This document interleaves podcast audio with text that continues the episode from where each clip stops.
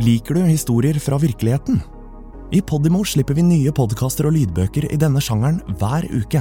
Dokumentarer, personlige historier og true crime. I denne spillelisten kan du høre et utvalg av våre mest populære titler.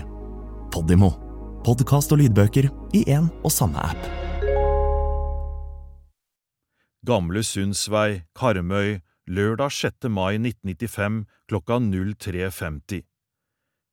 Politipatruljen svinger inn fra Sundveien til Gamle Sundsvei på ren intuisjon.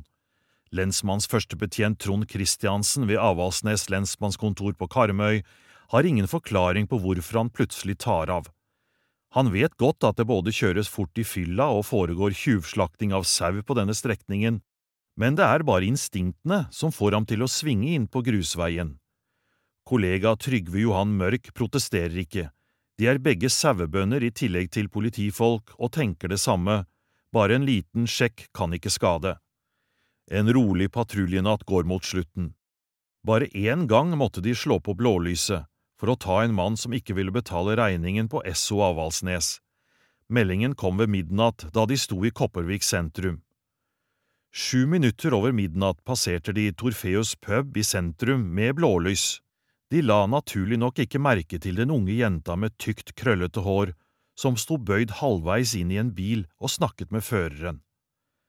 Situasjonen på bensinstasjonen løste seg, og ingenting skjer, før Trond Christiansen får denne følelsen av at han må svinge inn på Gamle Sundsvei.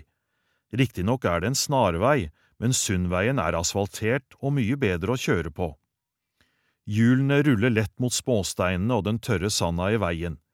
Christiansen og Mørk småprater i bilen mens de kikker seg rundt etter mulige tjuvslaktere.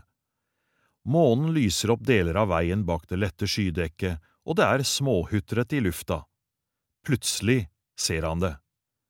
Lysstrålen fra billykten treffer noe som minner om blod på venstre kant i veibanen. Trond Christiansen banker inn bremsen.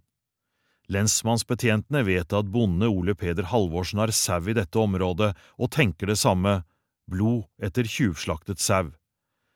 De rygger tilbake og klyver ut av bilen for å undersøke. Da ser de blodansamlingen, og blodstripen som fortsetter skrått over veibanen. I den grågrusete veibanen oppdager de et spesielt spor, et slepespor. Fra blodansamlingen i veikanten i en bue over veibanen til motsatt kant. Så over veibanen igjen og videre inn gjennom en grind, en åpen grind. Mørk leter etter de kraftige Maglite-lommelyktene, men de er fjernet fra bilen. De har kun hans private lille lommelykt. Han går gjennom grinda og stiller seg noen meter innenfor mens han lyser rundt seg.